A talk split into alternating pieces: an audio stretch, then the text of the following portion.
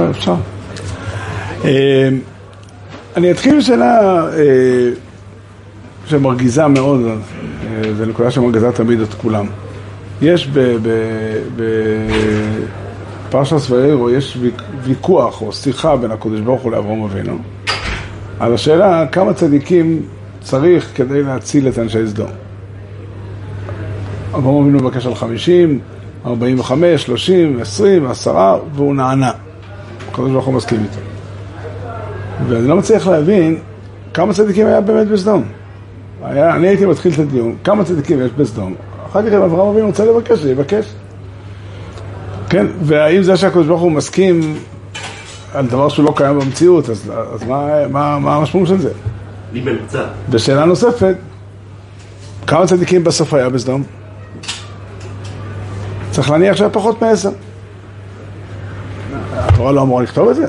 לא, הרב, צדיקים הכוונה אנשים שלא ראויים למות או מעבר לזה. שאלה נוספת, גם נכנסת בשאלה הזאת, מה פירוש המילה צדיקים? אז אני רוצה להציע לכם הצעה. גם כמה אנשים באופן כללי היה בסדום שיש פרופורציה, לא? כן, אני מניח, בסדר, בוא, בוא, תשמע מה שאני אומר ותראה את ההנחות שאנחנו מניחים. קודם כל, התורה אומרת שהקדוש ברוך הוא, אה, ככה כתוב, ויאמר השם, זעקת סדום ועמורה כי רבה, וחטאתם כי כבדה מאוד, ארדנה ואראה על כצעקתה. הבא אליי אסור, ואם ככה אז קלה, ואם לא, עדה. כן, אז הקדוש ברוך הוא הולך לרדת לסדום כדי לראות האם כצעקתה. אתם יודעים מה המשמעות של זה? המשמעות היא שאנשי סדום נענשים על זה שהם לא, הם מתנגדים להכנסת אורחים. והקדוש ברוך הוא רוצה לנסות ניסיון, הוא שולח אורחים לסדום, יהיה מי שיארח אותם שם, ואז נראה אם אנשי סדום יצעקו או לא יצעקו. עכשיו, יכול להיות שחלק יצעקו וחלק לא יצעקו. ולפי איזה קריטריון נקבע. נגיד שיש אדם אחד שלא יצעק, מה הדין? אז הסברה נותנת שדנים על פי רוב. כן, פעם רום אבינו ואומר, אנא ממך, אם יהיו חמישים צדיקים בתוך העיר, שזה מספר, זה פחות מרוב, אבל זה מספר גדול ומשמעותי, אנא תרחם על כל העיר ות, ות, ות, ותסלח לה. אותו דבר יש 45, 30, 20, 10 וכולי, הקדוש ברוך הוא אומר, בסדר, למה לא אומרים כמה צדיקים יש לסדום? כי אף אחד לא יודע. לא הקדוש ברוך הוא יודע, ולא, ולא אברהם אבינו יודע, כי זה עניין של בחירה, זה תלוי בבחירה שלהם מחר. כן? ולכן הבקשה של אברהם אבינו מתמלאת במלואה, ועכשיו מחכים לראות במתח מה יקרה. ולכן התורה אומרת, ואנשי סדום, אנשי העיר נסבו על הבית, מנער ועד זקן, כל העם מקצה. לאמור, אין צדיק אחד בסדום.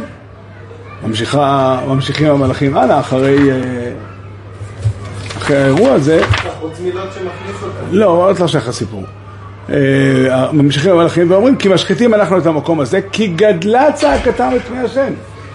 הקדוש ברוך הוא ירד לראות האם כצעקתה, התברר שגדלה צעקתם את פני השם. נראה לי שזה פשט נפלא קודם כל.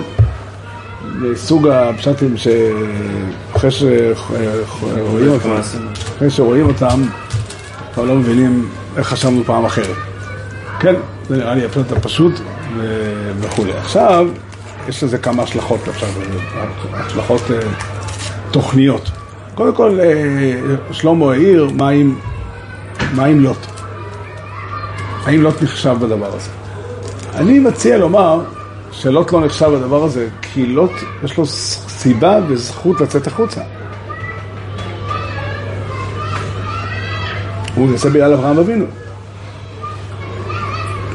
לי, הוא לא מצטרף, הוא לא מצטרף למספר. שיוציאו את כולם. אם זה פתרון להוציא. לא, בשביל להוציא בן אדם צריך סיבות מאוד מיוחדות, אין להם, להם זכויות לכאלה מספר. הוא רוצה זכות כדי להציל את כולם ואין לה זכות לצאת. כן, הכוונה היא ככה, אם אתה דן, על כל העיר כולה, אז העיר דנים לפי מספר אנשים, ואפשר לקבוע נורמות אחרות. אבל להוציא בן אדם באופן ניסי שיבואו מלאכים ויוציאו אותו? המלאכים לא מגיעים לאנשים רגילים. הצדיקים שלהם מדובר פה הם לא צדיקים אה, מופלגים. הם אנשים ש... הם גם לא אנשים שמכניסים אורחים. הם אנשים שכשבאים ואומרים אותם באמצע הלילה, אומרים, אתם יודעים שהכניסו אורחים לסדום, אתם שמתם לב מה קורה? תעזוב, אני עייף, תן לי לישון. זה הצדיקים, מחר בבוקר אני אבוא לצעוק. זה הצדיקים שעליהם מדובר. אתה רוצה שבשבילם יבואו מלאכים ויוציאו אותם? אם אתה דן על כל העיר כולה, אז אתה אומר, כן, אז אם הם היו הרוב, אז הרוב, לא, הרוב הם לא רשעים שצריך לה... זה הפשט בפרשה. ומה אני רוצה עוד דבר להבין מזה? שה... לא שמנו לב לזה שהצעקה שעליה מדובר בסדום היא לא צעקה של אנשים מסכנים, כמו שאפשר אולי לחשוב, אלא היא צעקה של הרשעים. הרשעים צועקים, הרשעים באים על הבית, ליד הבית שלו, וצועקים, אה, מה זה...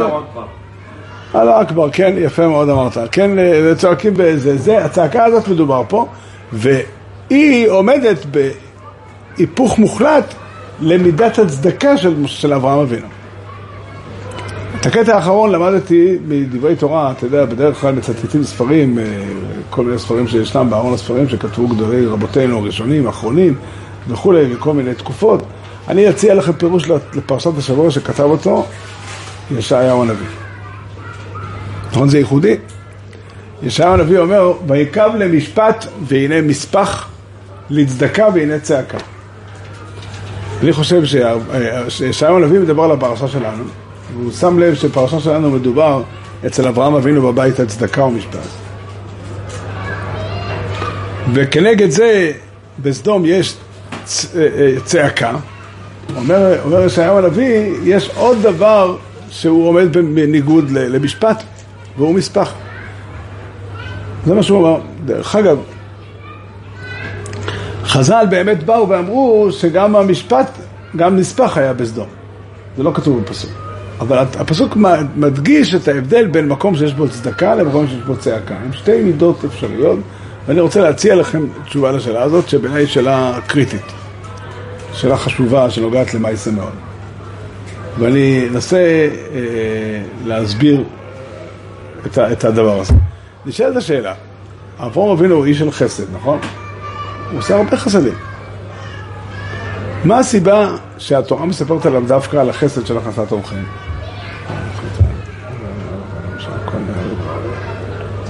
היה אולי כדי שהקבלה תהיה גם מאוד... אה, ולמה על סדום התורה מספרת סיפור על זה שהם התנגדו להכנסת אורחים? התנגדו למה? להכנסת אורחים. ואיך יכול להיות שהוא כל כך מסנגר על אנשים שהם הפוך מהאג'נדה שלו? אז אני חושב, גם השאלה שלך היא נכונה, אז אני חושב שבלי ספק אברום אבינו עשה חסדים נוספים גם. ולא נמנעו ו- ו- ו- ולא אהבו גם חסדים אחרים. ואף על פי כן עיקר הוויכוח הוא על הכנסת אורחים. למה? כי הכנסת אורחים זה לא לעזור לזולת, אלא להכניס את הזולת אליי הביתה. ופה יש שתי תפיסות, יש תפיסה שאומרת, תשמע, אתה יודע מי זה האדם הזר? אתה יודע מה ההרגלים שלו? איך אומרים? לך תדע, אולי הוא אוכל, אה, אוכל עם הידיים, אולי הוא מלכלך את המפה, יכול להיות שהוא אה, יגיד בדיחה לא מצחיקה, וכולי. אז האדם יש בו פחד, יש בו חשש מהזולת. ולכן יש אנשים שלא מכניסים אורחים. אנשי סדום לא מכניסים אורחים כי הם מפחדים. זה הסיבה. כן, זה לא נשמע לתגובה שלהם. לגמרי, לגמרי. עוד פעם, הפחד הזה הוא לא פחד סתם, הוא פחד עקרוני. הוא תפיסה שאומרת, אל תכניס הביתה אדם זר, ותשמור על הבית שלך, וכל משמר... מה זה סתם? מה זה הציונים ונדע אותם? מה? איזה תפיסה יכולה לעמוד סביב אה, רעיון של הוציאים אלינו ונדע אותם? לא, זה כבר, מה גורם זה כבר דרך הטיפול, זה כבר דרך הטיפול בבעיה. אמור להיות שאתה לא תכניס אלינו הביתה, לא תכניס אלינו לשכונה אנשים זרים. וכשאתה עשית את זה, צריך לחסל את התופעה מהשורש. צריך לדאוג שזה לא יקרה אף פעם לא. אה, נהגו יותר בעדינות מלהרוג אותו. ואולי הפוך, אתה רוצה תגיד, כן? הם רצו שיהיה ברור שאף אחד לא עושה את זה. דרך אגב, אני רוצה שיהיה לך ברור. הם הצליחו בדרך הזאת, אנשי סדום, שאף אחד לא נכנס לסדום, אף אורח לא נכנס לסדום 50 שנה. זה משהו ידוע, כולם... אה, כן. לא, לא, לא כן. לא צריך לפחד גם. אתה- מבין שזה לא לעניין, הם לא רוצים, ורק תקבל שם מכות, אז מה פתאום שייכנסו? עד כדי כך שכדי שייכנסו אורחים לסדום, הקדוש ברוך הוא צריך לשלוח מלאכים. אין אורחים בסדום. אבל אם אנחנו שואלים מה הסיבה שאין אורחים בסדום, התשובה היא, המידה של שבת צדקה דנה את האדם הזולת לקרב זכות ומאפשרת להכניס אותו הביתה, המידה של שבת צעקה דן את האדם לכף חובה ולא מאפשרת להכניס אותו הביתה. זה הסיפור. זה הסיפור, ו- וזה בעצם הצעקה של האנשים, היא צעקה שנובעת מפחד. הם מפחדים וחוששים מהאורחים שיבואו, ולכן הם צועקים גוואלד. זה הסיפור. עכשיו, שאל שלמה שאלה מאוד מאוד מעניינת. לכאורה, אם יש אדם שמקפיד במשהו מאוד מאוד חזק, ובאים לשאול אותו מה לעשות עם מי שלא מקפיד, לכאורה ככל שהוא מקפיד יותר חזק, הוא יותר יחמיר את הדין עם מי שנוהג אחרת. כן, אם אני אקח, נשאל מה דינו של בחייל שבס, ואני אשאל אדם ששומר שבת, נו נו. סביר להניח שהוא יקל הרבה יותר מאשר אדם ששבת אצלו היא עיקר גדול והוא מקפיד על שבת מאוד מאוד. אז כשהקדוש ברוך הוא בא לאברהם אבינו ואומר לו, כיוון שהוא שומר צדוק ומשפט ומספר לו על סדום, אז היה צפי שהוא יחמיר מעט. אבל בעניין הזה יש הבדל בכל המידות כולם למידת הצדקה.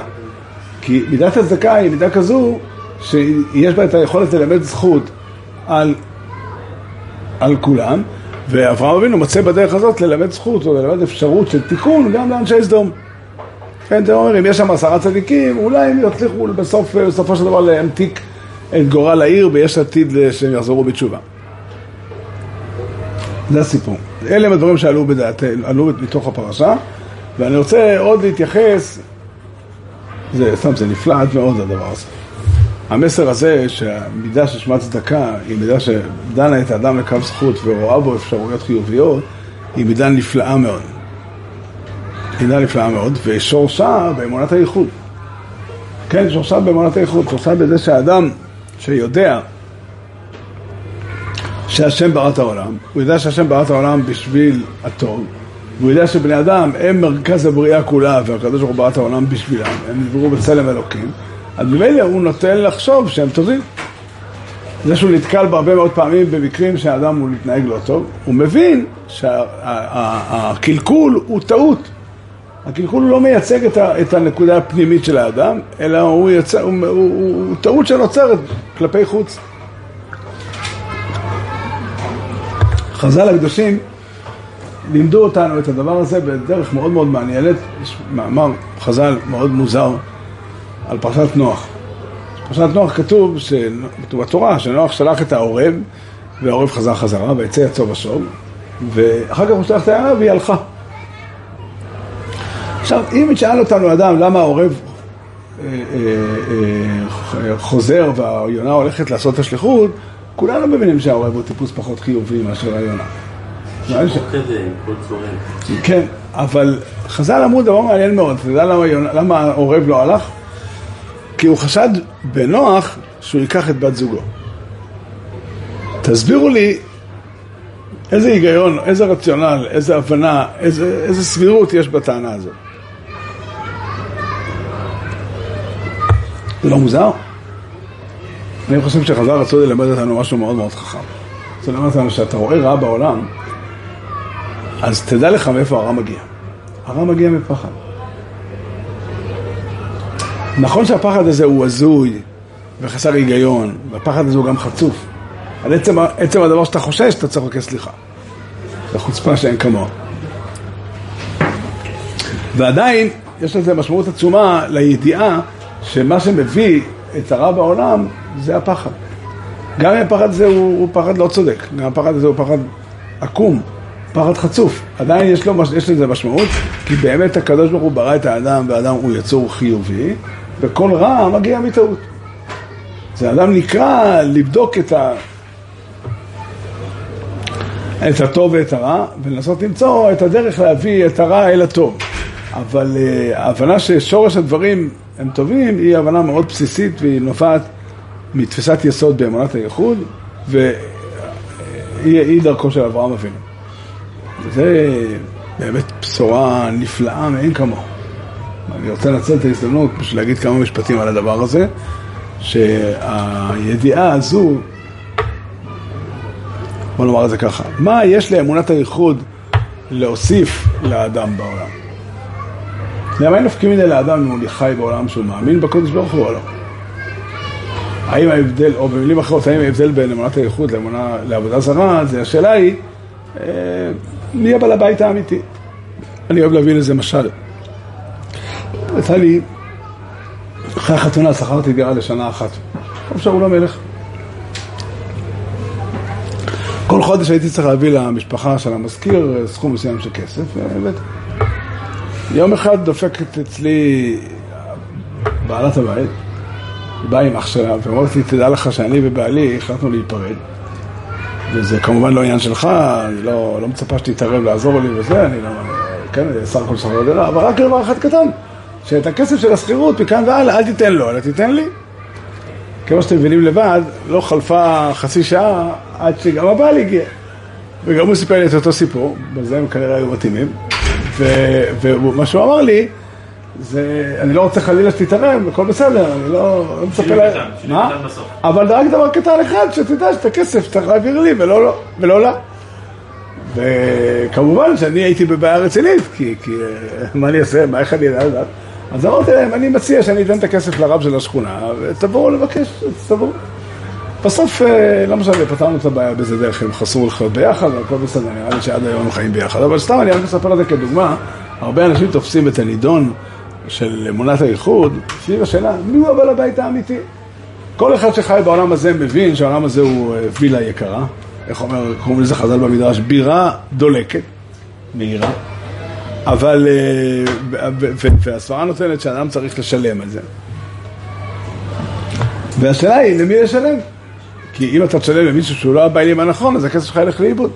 ככה אנשים תופסים את הסוגיה של אמונת הייחוד, אבל זו טעות רצינית מאוד. זה לא הפשט. הפשט באמונת הייחוד זה שזו אחר, תפיסה אחרת לגמרי של המציאות. אדם שמאמין באמונת הייחוד זה לא רק שהוא יודע להגיד לך מיהו האלוקים שלא צריך לשלם שכר לימוד, אלא הוא מבין שהעולם כולו הוא עולם שמייצג את, את, את אלוקי האמת. זאת אומרת, אם אדם חי בתודעה, וזה דבר שהייתי רוצה להגיד אותו לכל בן אדם, לכל יהודי מאמין, ואני חושב שאפשר לעשות בדרך הזאת מהפכה אמיתית בחיים שלנו. רפורמה משפטית. באמת, לעשות מהפכה לכל עם ישראל. להסביר לאנשים את הרעיון המרכזי. הרעיון המרכזי הוא שאדם חי בעולם, אני אגיד את זה בשפה של ספר הזוהר. בזוהר כתוב ברישיס דף א' עמוד בייס, מתואר, מתוארת שם סיטואציה שרשב"י הולך בחוף הים, בשעת לילה, לילה בלי עננים, והוא רואה ב- בלילה, בשמיים, את הירח ואת הכוכבים, כמה הם יפים ומהירים וכולי. שם כתוב בזוהר שהוא פוגש את רשב"י, רשב"י פוגש את אליהו הנביא, ואליהו הנביא שואל אותו, תגיד לי, איך אתה מפרש את הפסוק, שאו מרום עיניכם וראו מי ברא אלה? אז אומר לו אליהו הנביא, אומר לו רשב"י לאליהו הנביא, אומר לו, כן הנה תראו, שאו מרום עיניכם, ראו איזה כוכבים יפים, איזה ירח יפה. כמו שכתוב בפסוק, ירא שמך מעשה אצבעותיך, ירח וכוכבים אשר כוננת, וכתוצאה מזה אה, אדם מהלל את הקדוש ברוך. הוא אומר לו, אליהו הנביא לרשב"י, אתה ודאי צודק, אבל יש פה עוד נקודה. כתוב שם ככה, האדם שחי בעולם, השאלה הראשונה שהוא שואל היא מה?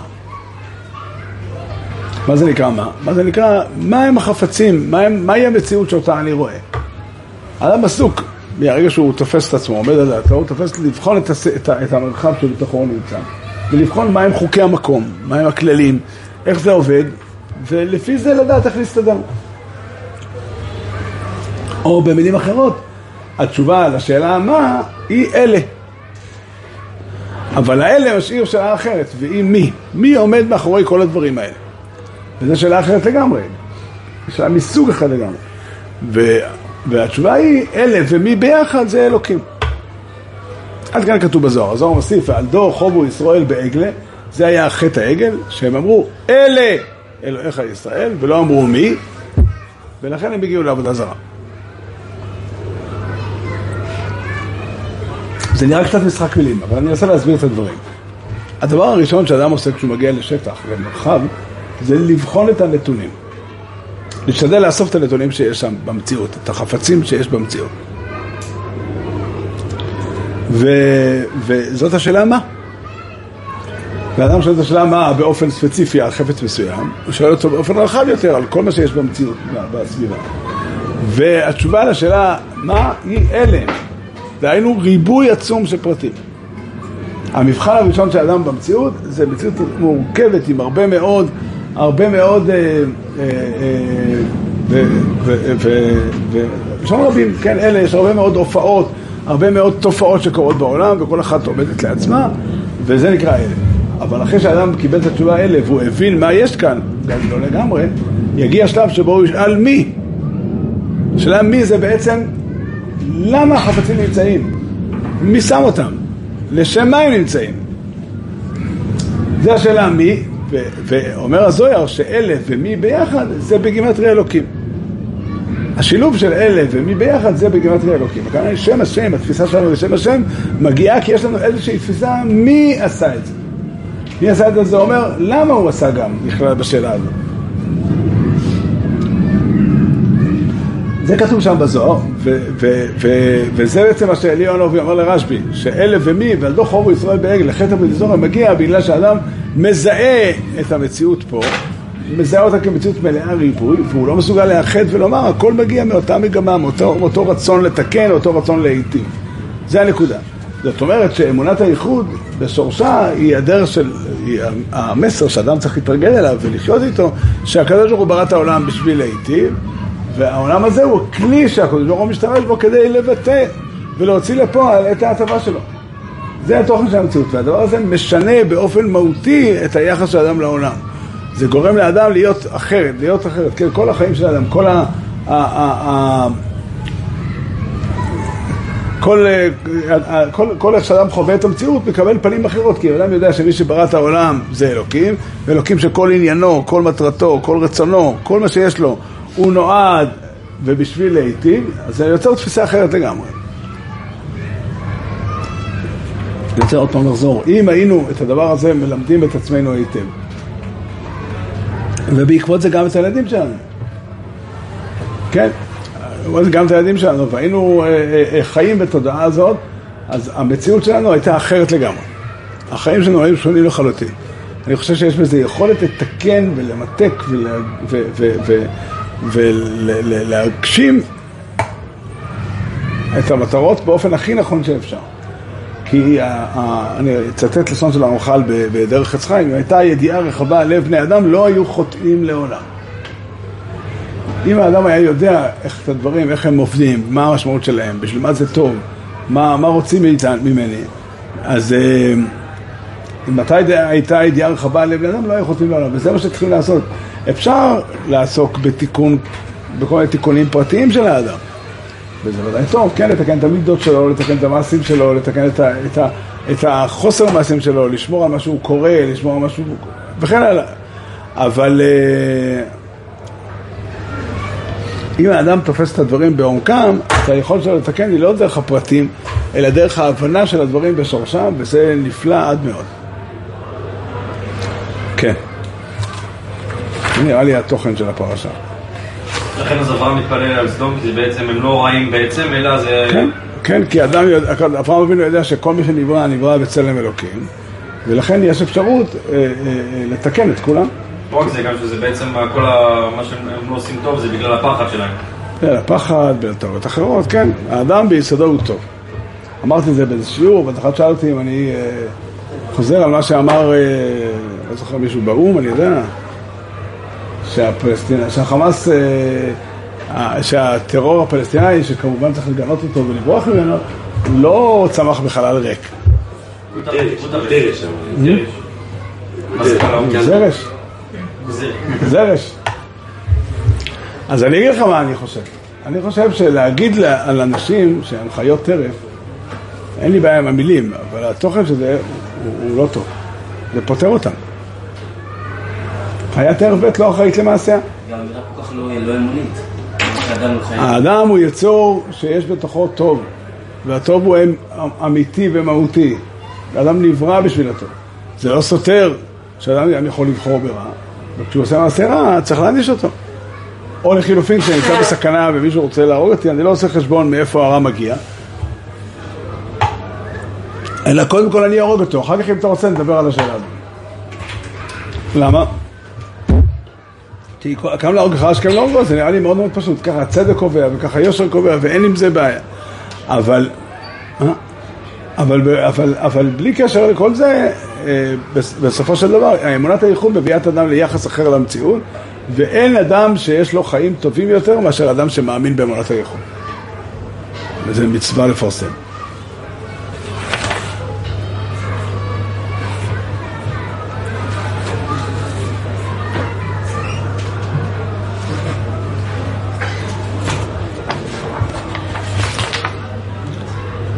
אני אעיר הערה נוספת. אה, בפרשת לך לך למדנו שאברהם אבינו מגיע למצרים בגלל הרעב ושם הייתה לו בעיה עם שרה, שהייתה אישה יפה והוא חשש שהמצרים ייקחו אותה ויהרגו אותו ולכן הוא סיכם איתה שהם יגידו אחותי ו... כן, וזה קשה, אומר הרמב"ן, אמר, אומר שזה מאוד מאוד קשה, איך הוא מסכים לדבר הזה, שיקחו את אשתו ויקחו אותה. במיוחד שיקחו. שרש"י כאילו... זה שיורד לרזולוציה של הגמלים שהוא יקבל. עוד יותר מזה, כן, כתוב אה, למען ייטב לי בעבורך, ולכאורה הכוונה היא למתנות, מה שרש"י אומר לכאורה בפסוקים. כן, כי כתוב למען ייטב... אבל ייטב לי וחייתה נפשי, שלא יהיה לי רע, אלא יהיה לי טוב. עדיין השאלה היא... היטיב בעבורה. כן, כן, הלשון אחר כך מוכיח את זה, שרק כתוב לאברהם היטיב בעבורה ונתן לו מתנות. אני מסכים איתך שזה לא רק המתנות, הוא גם רוצה בחייתה נפשי בגללה. תכנן תוכנית, ככה הוא יקבל אוכל. הוא ידע שבסוף... איך התוכנית תהיה בנויה על זה שהאישה... הוא ידע שהיא תחזור בסוף. הוא האמין אה, שהשם יעזור. אם הוא האמין שהשם עושה את זה, אז מה הוא צריך להיזהר? אז למה להגיד אחותי? כן. מה, השם יעזור, ייקח לו זמן לקדוש ברוך הוא עד שהוא יעזור. הוא רוצה בינתיים... כן, להקפיץ את הגדודים וזה, הוא למד ממה שקרה בשיחת. בזמן של ירד למצרים, או. או, אז אתה עונה שבפרשת לך זה אפשרי, אפשר להגיד שהוא ירד למצרים בלית ברירה, זה היה פיקוח נפש. אז עדיף ששניהם, שאחד ימות ברעב ולא שניהם. אחד ימות ולא שניהם ימותו ברעב, ככה אתה עונה. אבל בפרשת אומר, אברהם אבינו יורד לגרר, ושם לא מוזכר בתורה שום מלחמה, שום רעב, ונשאלת השאלה, אה, אה, שוב, למה שם הוא יורד, ועל מה הוא בונה על זה? אז הראשונים דנו בכל מיני, כן, בשאלה איזה עבירה יש פה, אבל אני שואל שאלה פשוטה, מה, הוא מוכן לוותר עליה? מעליב. שזה לא רק, זה כל מקום שהוא הולך הוא אומר את זה. כן, אז אמר על הדבר הזה הבסלוי, פשט נפלא מאוד, נפלא ממש, פשט פשוט, לא, לא, אין פה רעיון, זה פשט פשוט. אומר הבסלוי, אנחנו מכירים את הסיפורים כמו שהם כתובים בתורה. בתורה, אברהם ויצחק הסתבכו שם עם המלך. אבל עיקר המטרה של אברהם ושל יצחק במה שהם עשו, זה לא בשביל להינצל מהמלך, אלא להינצל, אה, אה, לא, לא, לא בשביל להינצל מהמון העם. אני אסביר קצת את זה. בדרך כלל, אותם אינשא דלוי מעלה שרואים אישה יפה והורגים את בעלה ולוקחים את האישה, הם לא לוקחים את האישה בשביל המלך. הם לוקחים את האישה בשביל עצמם. וכנגדם מצא אברהם אבינו פטנט כדי לשמור על, אה, כדי לשמור על החיים שלו. בכל מקרה שבן אדם מגיע, אה, אדם רואה צרה ברחוב ומתחשק כבר לקחת אותה, מה הוא עושה? הוא מברר מי האישה הזאת. האם האישה הזאת יש לה בעל? אומרים לו לא, יש לה אח. אם היה בעל, כל אחד מבין שאתה לא יכול לשלוח לבית של גרים בו זוג, מכתב או שליח, תקשיב, אני רוצה לקחת את אשתך. לא עובד. אז צריך קודם כל להרוג אותו, ואחר כך לקחת את אשתו. זה, אבל אם זה, אם זה אח שלה, אז איזה בן אדם בעולם יכול להרוג אח של אישה אם הוא רוצה לקחת אותה? הוא רוצה כמה שפחות, כמה שיותר שהיא תרצה אותו. אז הוא מתחיל לבוא, לתת מתנות, זה וכולי, ובכלל לא אה, לאיים עליו. ובינתיים מה שקורה זה ששרה נשארת, ואברהם... נש- תרצה אותו, היא תרצה מישהו שיהרגו את בעלה. לא, זהו, אם אדם מבין שאין לו ברירה, אז הוא בונה על זה שהוא ייקח אותה בכוח. אבל אם הוא, אם, אם, אם, אם, אם היא... היה עדיף לעשות את זה בכוח. כן, ואז מה שיקרה זה שהיא תישאר יחד איתו, הוא גם יוכל להגן עליה ואף אחד לא יוכל לקחת אותו בלי רשות. אותנו בבית המלך. או לקחת אותו בלי רשות, וגם אם הם יראו שהמצב הופך להיות מסוכן, אז הם יעברו מקום. אלא מאי, שבשלושת המקרים שהתורה מספרת סיפור דומה, מה שקרה שהמלך היה הנושא. כנגד מלך אין פתרונות. גם לא צריך למצוא פתרונות, כי האופציה שהמלך יראה אותה הוא רחוקה מאוד, וגם באמת אין פתרונות. ולכן, ו- ו- ו- ו- ו- ולכן, עכשיו, התורה לא סיפרה לנו את הפרקטיקה ואיך היא עובדת כדי ללמד אותנו איך להסתדר. היא באה ללמד אותך שבמקרים שזה לא יסתדר, אז הקדוש ברוך הוא יתערב לעזור לאברהם אבינו. אבל בפתאום שם זה לא נשמע איזה מקרה קיצון. זה אבימלך מלך גרר, גרר זה גם לא איזה... לא משנה, המלך אין דרכו, המלך אין דרכו לקחת אה, נשים בכוח. הנה, והש- התורה מספרת את זה בכלל לא כדרמה. הוא אומר, אני לשלוח אותי, וישלח ממנו יום. לא, מי שעורך אותי, יש פה סוג של הסכמה. כן? מה? לא, אני אומר עוד פעם, אה, אני לא יודע אם, אני לא יודע באיזה רמה, לא משהו שאבימלך היה אדם שלוקח אנשים בלי רשות. אז מה קרה שם?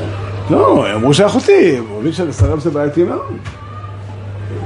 אולי. אבל על כל פנים, זו ההצעה שלנו, זה, נפלא מאוד שהדברים מתחברים ומתאימים לפשוטם של דברים, והשם יהיה בעזרנו.